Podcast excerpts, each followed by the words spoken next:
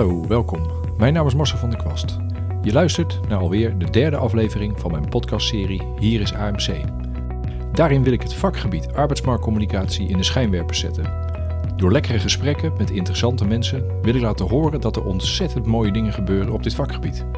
Soms vraag ik me wel eens af, waar is AMC gebleven? Er gebeurt zoveel moois, maar ik lees en ik zie er heel weinig over. En als ik er iets over zie, dan is het net of arbeidsmarktcommunicatie alleen maar bestaat uit het schrijven van vacatureteksten. Daar wil ik iets aan gaan doen. Ik ga steeds langs bij iemand die aan arbeidsmarktcommunicatie doet. Kan bij een werkgever zijn of bij een arbeidsmarktcommunicatiebureau, maar ook recruiters, dataspecialisten, employer branders, recruitment marketeers of vacaturetekstschrijvers wil ik voor de microfoon. En dan gaan we gewoon in gesprek, ongeveer een half uur, soms iets langer. Op die manier wil ik graag de breedte van het vakgebied laten zien en horen, zodat iedereen weet wat een prachtig vakgebied het is. Ik werk er zelf al meer dan 20 jaar in en het is echt nog steeds elke dag interessant. Je gaat nu luisteren naar aflevering 3. Daarin spreek ik met Ronald van Driel, een zeer ervaren zelfstandig recruitment specialist. Je kunt alle info ook bekijken op mijn site www.werk-merk.nl. Daar zet ik per aflevering ook de show notes. Als we in de aflevering ergens over praten waar ik naar kan linken, zal ik die daar neerzetten. Als je vragen hebt, kun je me altijd bereiken via mijn site werk-merk.nl of via Twitter of LinkedIn. Veel plezier bij deze aflevering en alvast bedankt voor het luisteren. Welkom Ronald. Uh, leuk dat ik hier uh, in uh, jouw keuken te gast mag zijn voor de derde aflevering van, van de podcast. Welkom. Um, in de introductie ga ik even vertellen waarom ik het interessant vind om met jou te praten. en daarna krijg jij zelf de, de, de gelegenheid om daar nog iets ja, om te kijken of je het ermee eens bent of niet. ik vond het interessant omdat dat jij ja, zolang als ik jou ken, wij hebben elkaar de eerste keer zijn we elkaar tegengekomen bij een Tenet case. Daar uh, gaan we straks misschien nog wel iets over zeggen. En uh, die, uh, sindsdien ben jij werkzaam helemaal aan de recruitment kant. Ik zit op arbeidsmarktcommunicatie. Dat, nou ja, dat, dat vakgebieden die komen elkaar vaak tegen. Wij zijn elkaar ook regelmatig tegengekomen. Het is sowieso nou ja, een prettig gesprek wordt het altijd wel. Maar ik vind het interessant, want als ik voor dit gesprek ben ik even naar LinkedIn bio gegaan en dan staat daar recruitment manager, maar er staat ook uh, arbeidsmarktcommunicatieadviseur. Ja. En dat is heel interessant, want uh, dat geeft alleen maar aan dat die vakgebieden elkaar raken. En tegelijkertijd denk ik dat we heel veel kunnen praten over wat het juist zo anders maakt, recruitment en arbeidsmarktcommunicatie. Dus dat, dat was voor mij de reden om hier, uh, nou in ieder geval, Ronald van Driel te gast te vragen. Um, maar goed, dat is mijn introductie. Zou, zullen we beginnen met heel kort eventjes een introductie van jou? Van, kun je omschrijven wat je de laatste tijd gedaan hebt ja. qua, qua klussen? Ja, dat kan ik. Ik ben al 18 eh, jaar eh, actief als freelancer op het gebied van recruitment. En om even een beeld te geven, mijn laatste opdrachten. Ik zit nu in de kinderopvang, die had ik zelf ook niet aanzien komen. Um, waar een recruitmentafdeling met heel weinig recruitment en ook heel weinig wervingservaring de klus moet klaren. Waar um, echt op het gebied van uh, arbeidsmarktcommunicatie men in de kinderschoenen uh, staat. Uh, maar goed, daar zal ik straks ja. iets over ja. vertellen. Um, en dan zijn we dus slagen aan het maken op korte en langere termijn. Opdracht hiervoor een, een, een, jaar bij de HEMA gezeten. Um, oorspronkelijk voor een strategische HR-klus, maar na zes weken bleek dat twee HR-managers die verantwoordelijk waren voor recruitment vertrokken. Okay. En er opeens een piek ontstond doordat er geïnvesteerd werd in de organisatie aan vacatures. Zo rond de 100 vacatures alleen op het hoofdkantoor. En nou goed, iedereen keek terecht naar mij als ervaren recruiter. En ik ben daar vol in gedoken. En heb daar gewoon echt een operationele recruitment klus uiteindelijk van gemaakt. Daarvoor een korte opdracht gehad bij Equance Interpay. Maar leuk om te noemen is de opdracht daarvoor bij PostNL. Uh, 20.000 postbezorgers op jaarbasis. Ik ben daar als manager selectie aan de slag gegaan. 25 recruiters aansturende. vrijwel allemaal oud-postbodes. Okay. En het probleem was daar dat er weinig binding was tussen die 25 recruiters die overal in het land zaten en het hoofdkantoor. De zogenaamde algebak in, in Den Haag, groot groen, groen hoofdkantoor. En uh, ja, daar moest, daar, die hadden geen contact met elkaar. Uh, alleen maar oekases vanuit het hoofdkantoor richting uh, die recruiters, dat werkte niet. eh chagrijnige recruiters zorgen voor chagrijnige kandidaten en voor chagrijnige hiring managers. Ja, Dus door gewoon heel goed met die recruiters te gaan communiceren en eh, dat, eh, de processen strak te trekken en ook gewoon echt naar ze te luisteren, ook naar hun ideeën, eh, is dat een hele mooie opdracht eh, eh, eh, geworden met ook een mooi einde. ja. ja en dat is, je, je omschrijft nu drie opdrachten. Wat voor, ja, wat voor tijdspannen? Hoe, hoe lang zit je ongeveer eh, gemiddeld bij een opdracht? Ja, of is dat eigenlijk niet een gemiddelde voor te noemen? Ja, dit zijn gemiddeld wat langere opdrachten dan ik normaal eh, doe. Ik zit meestal een half jaar, drie kwart jaar eh, bij een opdrachtgever. Maar HEMA heb ik bijvoorbeeld op een paar dagen na een jaar ben ik Oké. actief geweest. Ja, ja, wat dat betreft heb je niet. Er zijn mensen die daar heel strak in zijn en die zeggen: Ik wil nergens langer dan een half jaar zitten. Ja. Vind ik altijd heel interessant als mensen dat zeggen, want ja, dat, dat lijkt mij dat je dat niet zo, zo over één kam kunt scheren. Maar Nee, toch zeg ik dat wel. oké, oké, oké. Was jij dat van wie ik dat, gehoord had? Oh, Nee, bij mij begint het na een half jaar begint het wel eh, eh, te kriebelen. Echt Ja. zitvlees heb ik niet. Ik ben heel erg van het bouwen van eh 85 of 90 procent eh, eh, realiseren. Daar krijg ik energie van. Ja. En eh, de laatste 10, 15 procent, eh, daar zorg ik wel voor. Maar eh, meestal in de vorm van een opdrachtgever die ik, eh, of een, op, eh, een opvolger. Die ik in overleg met de opdrachtgever de, de, de rest Ja, ja. laten doen. Ehm, maar opdrachten veranderen nog wel eens van signatuur. Soms echt volledig. En eh, dat zorgt ervoor dat ik ook wel eens ergens eh, langer dan een jaar... of eh, ooit een keertje zelfs 2,5 jaar bij een hele gave start-up... ja, ja. en dat ik langer, langer blijf, blijf zitten. En dat is, nou, het interessante is, er poppen allerlei vragen op bij mij als jij dat vertelt. En eentje, want als je dat zo zegt, hè, dat je ergens, ja, als, als ik die klussen zo hoor, zoals je ze omschrijft, je, je zet iets op Ja. en dan, nou ja, plat gezegd, dan ben je weer weg. Ja. Is het dan ook echt klaar? Weet je, dan, dan kan ik me voorstellen dat die opdracht erop zit. Maar eh, blijven er lijntjes met dat soort opdrachtgevers? Want ik kan me voorstellen dat, ja, eh, het, het, je bent natuurlijk niet gelijk helemaal uit beeld. Is er dan nog een soort, weet je, gaat dat nog voort? Ja. Nou, mijn droom is eh, dat, ik, dat ik een soort servicecontractje met ze maak. Ja, En, nou, maar dat kan ik me wel voorstellen. Ja, ehm, op een of andere manier werkt dat niet. Nee. Werkt dat bij mij niet of werkt dat in mijn vakgebied niet? Ik hoor het ook eigenlijk niet van collega interim recruiters of interim recruitment managers. Ehm, dus eh, ik, ik, ik, ik zorg dat er een opvolger komt, intern of eh, extern. Ehm, dat eh, ik goed overdraag. Ja. Eh, en daarna blijven er wel warme contacten. Ik heb dus nog wel eens contact. Eh, ik ga binnenkort eh, bij, bij HEMA eh, eh, nog even wat, eh, wat koppen koffie eh, drinken. En mensen weten mij ook wel eens eh, te vinden op het moment dat zij eh, eh, klaar zijn bij een, eh, een werkgever. Ja. En zeggen van, joh, eh, kun je mij helpen? Kun je eens even met me sparren? Ja. Want ik wil iets anders.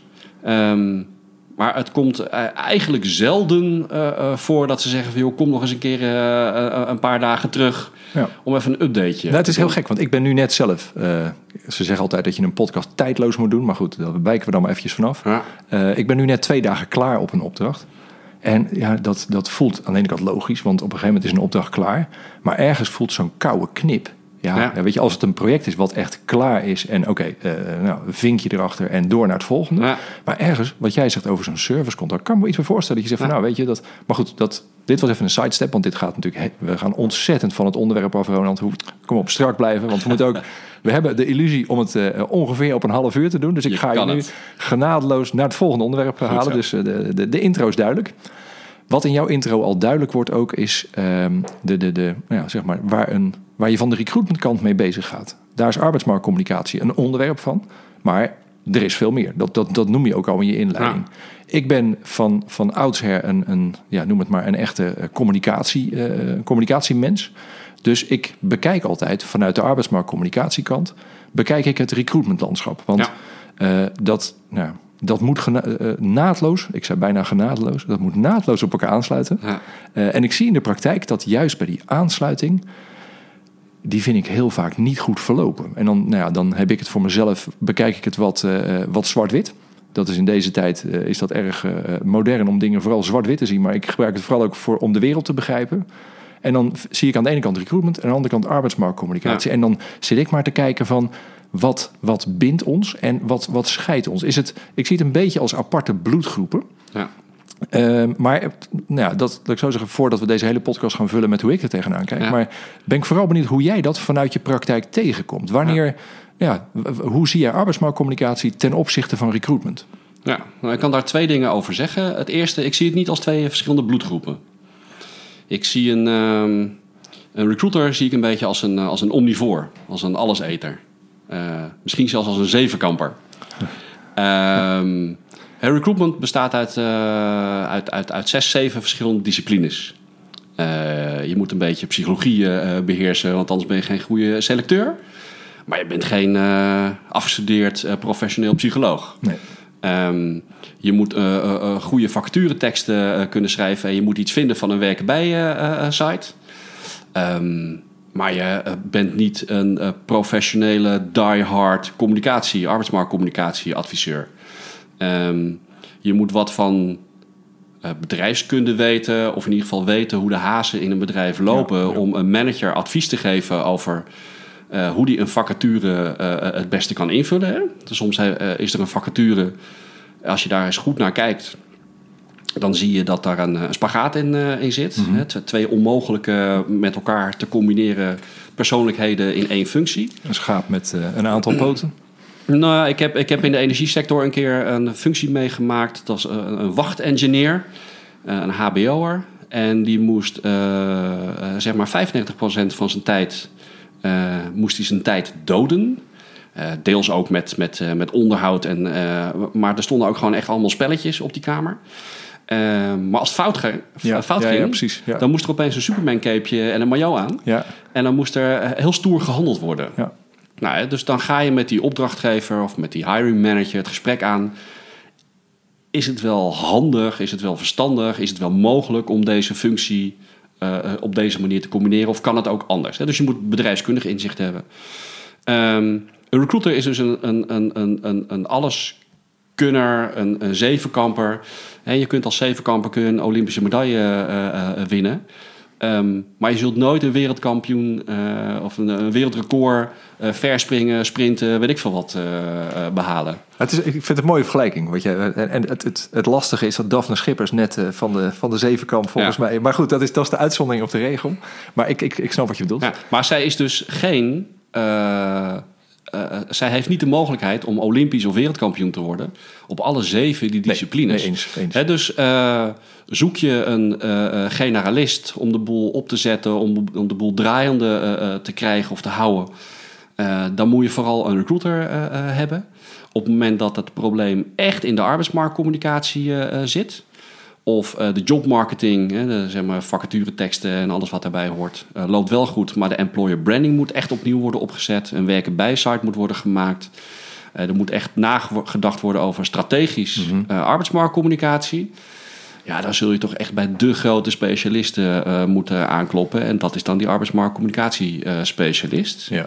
En de tweede, want ik had er twee beloofd, ja, ja, wat ik wil zeggen, is dat ik ik kom heel erg zelden. Ik zit meestal bij middelgrote bedrijven, zeg maar tussen de 500 en de 2000 medewerkers. En ik kom zelden of nooit uh, arbeidsmarktcommunicatie professionals binnen zo'n organisatie nee. tegen. die, die zitten er gewoon niet op een communicatieafdeling. Eh, mijn huidige opdrachtgever is daar een uitzondering van. Of een uitzondering op. Um, nou, dat ja, nou, dat, en dat is een beetje het dubbele van het vakgebied. Hè? Want zoals jij het omschrijft als een van de, de, de, de specialismen, tenminste, je, de, een van de zeven dingen die een recruiter uh, allemaal doet. En daar is dan de arbeidsmarktcommunicatiemens, om het maar even in jou en mij te splitsen. Ja. Ik ben een specialist op een vakgebied, wat voor jou een van de zeven is. En het is maar de vraag of jij in welk van die zeven jij specialisten moet gaan inschakelen. Want dat is hetzelfde met als je, je, als je met je ATS aan de slag moet. Ja, precies. Dan moet je in de basis moet je dat zelf kunnen, kunnen overzien en, en nou ja, uh, in de basis wat werkzaamheden kunnen weer. En op een gegeven moment is dan de vraag, bijna een make-or-buy beslissing. Kunnen we dit zelf of hebben we hier echt een specialist bij nodig? Ja. En daar is dan arbeidsmarktcommunicatie een van de gebieden van. Nou, oké, dat, dat vind ik een hele heldere. Want die recruiter wordt namelijk ook helemaal niet gelukkig met 100% van zijn tijd. Uh, vacatureteksten schrijven, nadenken over ja. uh, communicatiestrategieën. Ik vergelijk het ook een beetje met uh, search. Hè. Search is dan ook een van die zeven ja. disciplines. Ja. Um, de typische searcher is iemand die uh, heel gelukkig wordt van in zo'n computer duiken, in LinkedIn of Boolean Search. Um, en dat spel vindt hij helemaal geweldig. Als je dat een recruiter 100% van zijn tijd laat doen, wordt hij echt ontzettend ongelukkig. Ja, Eh, hij moet wel, weet ik veel, 10% van zijn tijd moet hij wel wat op LinkedIn gaan searchen. En ook een beetje googlen, eh, Boolean search. Maar ehm, je zult zelden een recruiter eh, treffen die een, een, een, een opdracht of een baan aanneemt waarin die 100% zijn Ja. tijd daaraan besteedt. Wordt hij niet gelukkig van. Nee. Hey, en als je dan, als we iets inzoomen op eh, dan de link tussen recruitment en arbeidsmarktcommunicatie, Ja. heb jij het idee dat die, die werelden dicht, bij, dicht genoeg bij elkaar liggen? Ik heb namelijk wel eens het idee dat er heel erg, dat er bijna een soort wij en zij eh, eh, gevoel is. Als ik de mensen inschat aan, aan, aan mijn kant, aan de arbeidsmarktcommunicatiekant, dan ja, zoals jij de zeven, bijna de zeven eigenschappen van een, van een recruiter, maar de zevenkamper omschrijft, Ja. Ja, ik denk dat veel te weinig mensen dat weten aan de, aan de communicatiekant. En dat het van oudsher, ik heb eh, in een verleden wel eens voor KPMG gewerkt.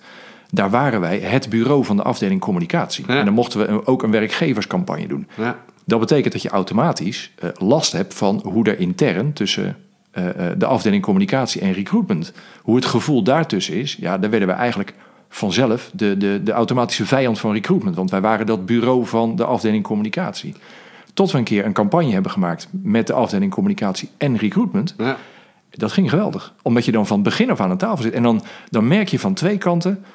Oh, het valt eigenlijk wel mee. Weet je wel? Je, je, weet je wel het, het, het kan eigenlijk toch wel samen. Terwijl je, je, ik, ik voel, maar misschien voel ik die zelf te scherp hoor. Dat er bijna altijd een soort, nou ja, een beetje zo kijken van. Ja, maar wacht even. Ik ga nu niet bij jou aankloppen, want dan ben ik mijn budget kwijt, bij wijze van spreken. Ja. Terwijl dat, Ja. Ik krijg een beetje een Ajax Feyenoord gevoel. Ik ga het je uitleggen. Eh, de gemiddelde Feyenoorder heeft echt een pesthekel aan Ajaxide en aan Amsterdammers. En het woord Amsterdam wordt zelfs niet uitgesproken. ik eh, eh, heb daar geen commentaar op, denk ik, op dit moment. De, de gemiddelde Ajaxiet gunt de Feyenoorder het licht in de ogen.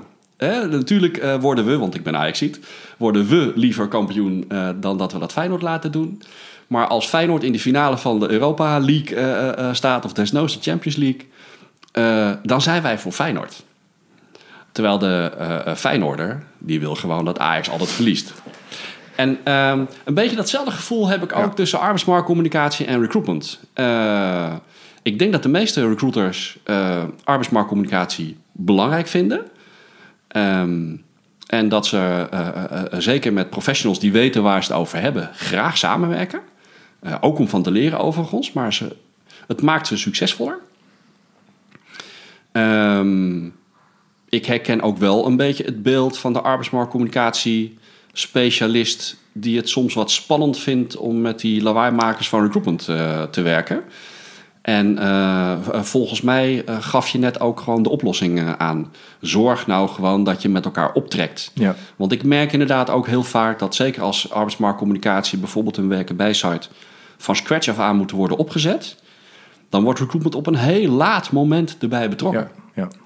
Eh, dat is zonde, want dan gebruik je dus niet de kennis eh, van, van, van recruitment. Ja, en de basis van het proces, weet je, dat, dat is volgens mij, want, want eh, als je, stel ik ben een werkgever en je geeft mij, ik, ik mag één iemand erbij betrekken, Ja. om, omdat er mensen aangenomen moeten worden en ik moet kiezen tussen een recruiter en iemand die arbeidsmarktcommunicatie voor me doet. Ja, dan begin ik met een recruiter. Want Ja. weet je, die, die heb je nodig om in ieder geval, nou, zoals je het net zelf met die zeven eh, velden omschrijft, dat heb je in ieder geval nodig. En dat, Ja. dat, dat vind ik de logische plek voor arbeidsmarktcommunicatie. Alleen wat ik interessant vind, is dat vanuit de arbeidsmarktcommunicatiekant gaan we een beetje een bruggetje maken naar, naar de ontwikkelingen zoals ze nu zijn. Kijk, nu merk je bijvoorbeeld, het is, het is best guur geweest de afgelopen jaren in Ja. het land van arbeidsmarktcommunicatie. Want ja, als je een vacature plaatste, dan eh, had je eerder het probleem dat er te veel mensen kwamen. Je hoefde niet zoveel moeite te doen. Dus de markt voor arbeidsmarktcommunicatie is redelijk opgedroogd. En die begint nu weer een beetje, eh, nou, die begint weer flink aan te trekken. Dus er zijn veel organisaties die, ja, die, die moeten weer iets voor. Ja. Die, hebben, die hebben een probleem. En die gaan dan automatisch weer naar de markt van de, nou, bijvoorbeeld arbeidsmarktcommunicatiebureaus. Nou, die markt is redelijk veranderd. Daar heeft redelijk kaalslag in plaatsgevonden. En daar zitten allerlei ontwikkelingen. Maar daar merk je dat mensen nu echt ja, bijna een soort door de bomen het bos zoeken. En, en dat nog steeds de vrees bestaat, oh jee, nu moeten we weer een campagne doen. Terwijl, dat, is, dat, dat vind ik juist. ehm, je kan het lekker klein maken, arbeidsmarktcommunicatie. Want het is nou ja, een, een, een vacaturetekst. Maar het is ook bijvoorbeeld eh, ja, de eerste deliverable van een employer brand traject, vind ik een half A4'tje. Ja. Waarop een verhaal staat waar iedere recruiter mee uit de voeten kan. Ja. En dat verhaal moet vooral kloppen. Dus het ophalen van dat verhaal is een vak apart. Maar het moet niet gelijk een, ja, nou een, een, een heel bureau, een hele campagne zijn. Weet je, daar kun je als werkgever best wat zelf in. Maar dat, dat vind ik het interessante van, van die ontwikkeling. Mag ik, die, mag ik die doorpakken om een beetje naar ons volgende blok Ja. te gaan? Als je naar de ontwikkelingen kijkt. Want we schetsen nu de markt. Weet je wel? Nou, we weten van de arbeidsmarkt. Het is hol of stilstaan. En het is de afgelopen jaren heel erg stilstaan geweest. Nou, dan weten we uit ervaring dat het in volgorde dat eerst de uitzendbureaus het weer druk krijgen, dan de ICT-sector die eigenlijk nooit weg is, die wordt rood gloeiend. Nou, dat, we zitten nu in de fase dat de rest van de markt ook weer aan het opwarmen is. Eh, tegelijkertijd zit daaronder een laag van nou ja, dingen die, die misschien niet zo heel hard veranderen. Kan, je, kan jij daar iets over zeggen hoe jij het in jouw opdrachten meemaakt? Ja, misschien eerst eventjes nog eh, reflecteren op jouw crisisverhaal. Eh, ik doe dit 18 jaar, dus ik heb diverse crisis meegemaakt. Ehm, ik herken het zelf niet zo heel erg. Eh, ik heb liever eh, hoogconjunctuur dan laagconjunctuur, laat dat duidelijk zijn. Maar er is altijd wel een branche, ook in laagconjuncturen eh, tijden, waar hard mensen nodig zijn. Ja. Hè, dus in, in slechte tijden heb ik opdrachten gedaan bij de Belastingdienst. Daar moeten er nu weer duizend in. In de ouderenzorg, in de offshore, in de retail. Ehm, dus, dus, dus eh, nou goed, het, eh, zo overleef ik eh, de crisis. Jouw vraag was ook, wat zie je dat er verandert? Ja, ik zie dat er heel veel verandert. En het gekke is dat ik daar zelf ehm, relatief weinig mee bezig ben. Eigenlijk helaas relatief weinig mee bezig ben. Er gebeurt alles op het gebied van eh, systemen, mogelijkheden op internet, programmaatjes, Toeltjes. toeltjes, Ja, ja. video als gebruik op een werken bij site, maar ook videootjes van 15 seconden die door sollicitanten worden Ja. gemaakt. Ik ben heel erg geïnteresseerd in zaken als, als Harvard en, en online testing en uh, nou, et cetera. En elke keer als ik ehm, een nieuwe opdracht in het vizier eh, krijg, dan denk ik van nou, ik ga nu gewoon echt, echt high-end recruiten, eh, eh, communiceren, selecteren. Ehm, en elke keer merk ik weer, dat ligt misschien ook wel aan dat ik bij middelgrote bedrijven actief ben en niet bij de ING's en de Rabo's. Ehm, merk ik dat er gewoon heel veel nog te winnen is op het, op het basisproces. ja. ja. Gewoon dingen, dingen, de normale dingen goed doen. Of een beetje normaal eh, eh, de, de, de marketingstappen eh, gebruiken. Nou, daar komen we straks misschien nog wat verder over te praten. Ehm, dus het, doe ik opdrachten anders dan vijf of tien of, of bijna twintig jaar geleden? Ja, natuurlijk.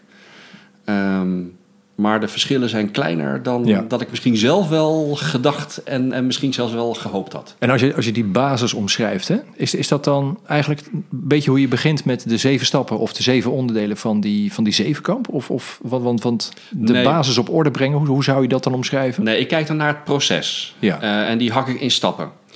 En eh, dat proces begint bij mij eh, bij het analyseren van vroegtijdig ongewenst vertrek Ja. van medewerkers. Eh, als het even kan, wil ik niet eh, dweilen met de kraan open. Dus ik kijk altijd van eh, hoe, hoe hoog is het verloop. Nou, ik, heb opdrachtgevers gehad met een verloop lager dan 3%. Nou, dan ligt het daar dus niet aan. Nee, Maar ik heb ook opdrachtgevers waarbij het verloop tot boven de 100% eh, eh, komt. Heb het over postbezorgers, heb het over mensen in, in de retail. Even wachten, verloop boven de 100 procent? Ja, dan blijven mensen dus minder dan een jaar bij je. Oh, oké, oké. Ja, ja. Ja. En, ehm, en dan is het dus heel interessant om te kijken eh, hoeveel mensen eh, eh, vertrekken er ongewenst. Dat betekent dus dat je goede mensen de organisatie in hebt eh, eh, geholpen. En dat die niet gevonden hebben wat ze zochten. Ehm, en je, je gaat ook kijken hoe- hoe snel vertrekken Ja, mensen ja, al. Hè? ja. Op een gegeven moment in de, in de retail zie je vaak dat eh, eh, mensen na 23 eh, maanden wordt afscheid van ze genomen. Anders komen ze in vaste dienst. Nou, daar is een hoop over te zeggen. Maar ehm, dan wordt daar door, door, door managers over gemopperd. Waarom kunnen we mensen geen onbepaalde tijdcontracten geven? Maar als je dan ziet dat 80% van de mensen binnen een jaar weg is... Ja. op eigen gelegenheid, Ja, dan zit daar de winst. dan zit Ja, daar de winst. ja. En dan mag je hopen dat ze 23 maanden blijven. Ja.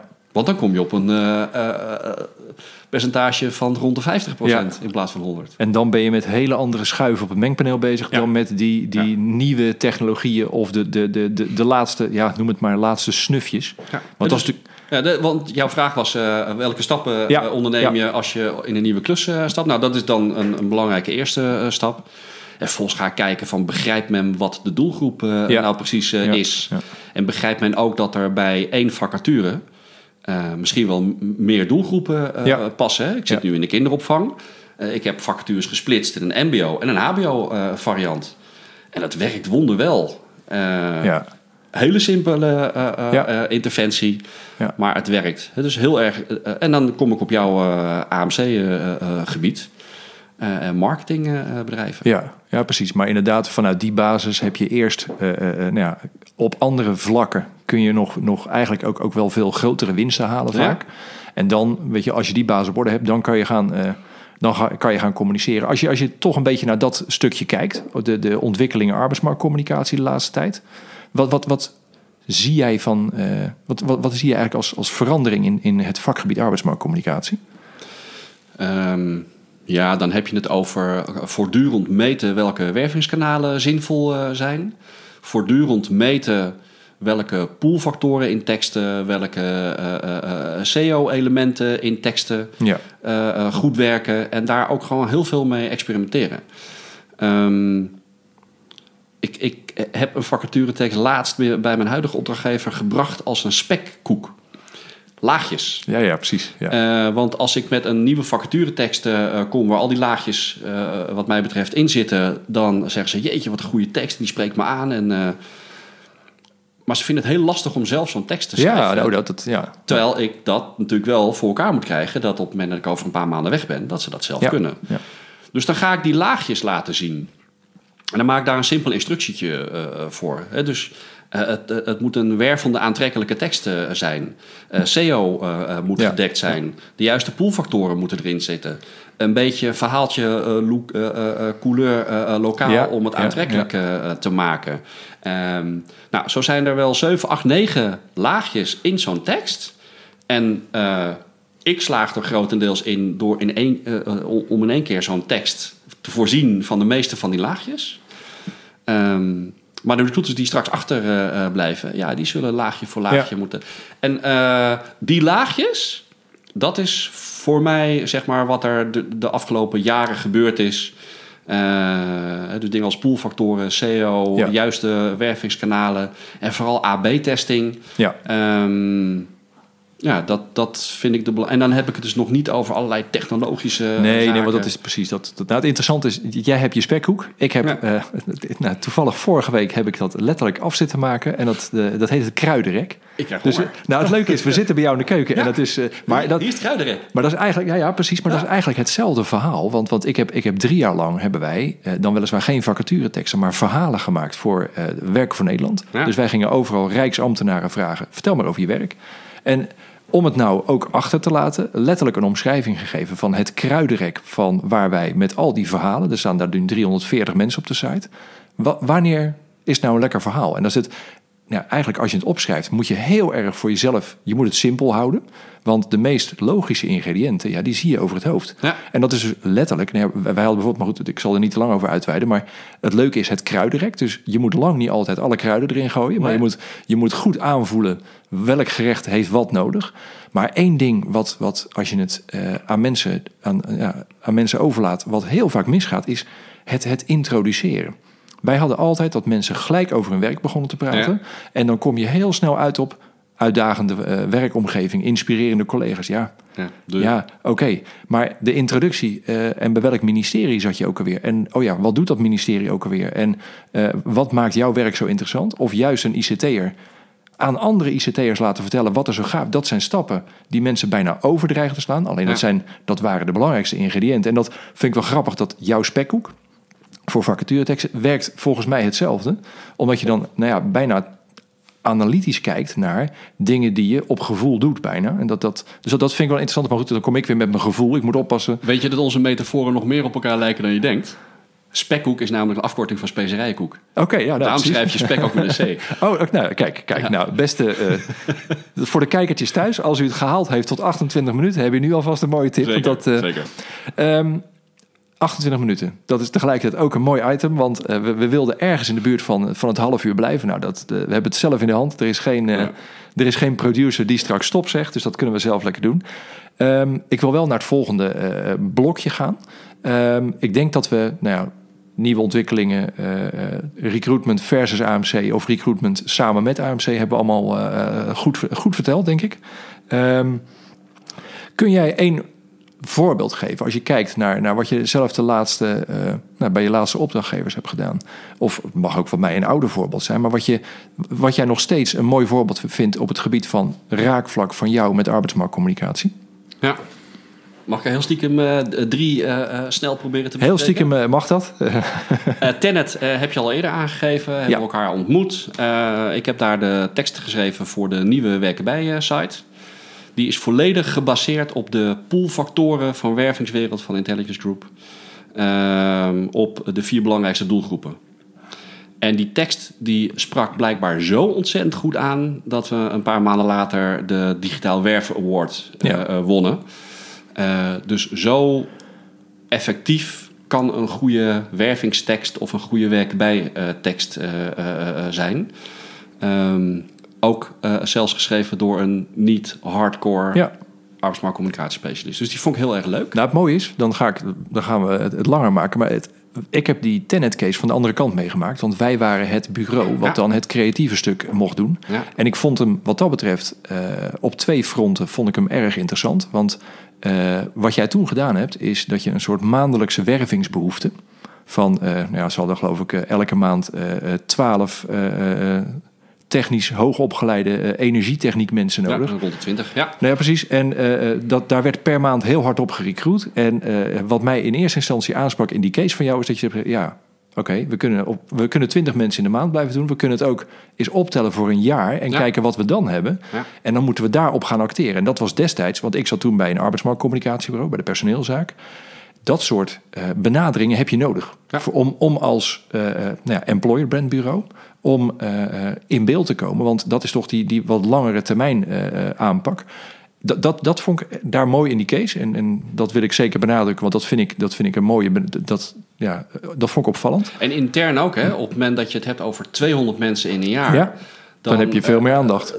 meer aandacht, Ja. ehm, eh, eh, eh, meer kracht voor een goed eh, eh, budget. Eh, dat helpt heel erg. Nou, en ik denk dat dat nu in deze tijd ook, weet je wel, bedrijven gaan nu ook op een omslagpunt komen van, oké, per maand zijn het er zoveel. Ja. Laten, we eens, laten we eens proberen een jaar vooruit te kijken en bijschakelen op het probleem wat we dan voorzien. Ja. Dat, en het andere vind ik mooi, omdat je over de poolfactoren praat, weet je, dat, dat, die zijn heel belangrijk als uitgangspunt.